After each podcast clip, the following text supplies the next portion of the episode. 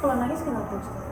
Iya, dia sedih kadang-kadang mikirin dosa, kadang mikirin orang yang tinggalkan. Makanya kita bisikin apa? Jangan ma, ma maafin ma, jangan begitu. Bisikin apa? Ma atau ya cukup udah. Sekarang saatnya berpisah dengan dunia, ikhlaskan semuanya. Raihlah rahmat Allah. Sekarang saatnya kembali lagi ke Allah. Jadi kita kasih motivasi begitu.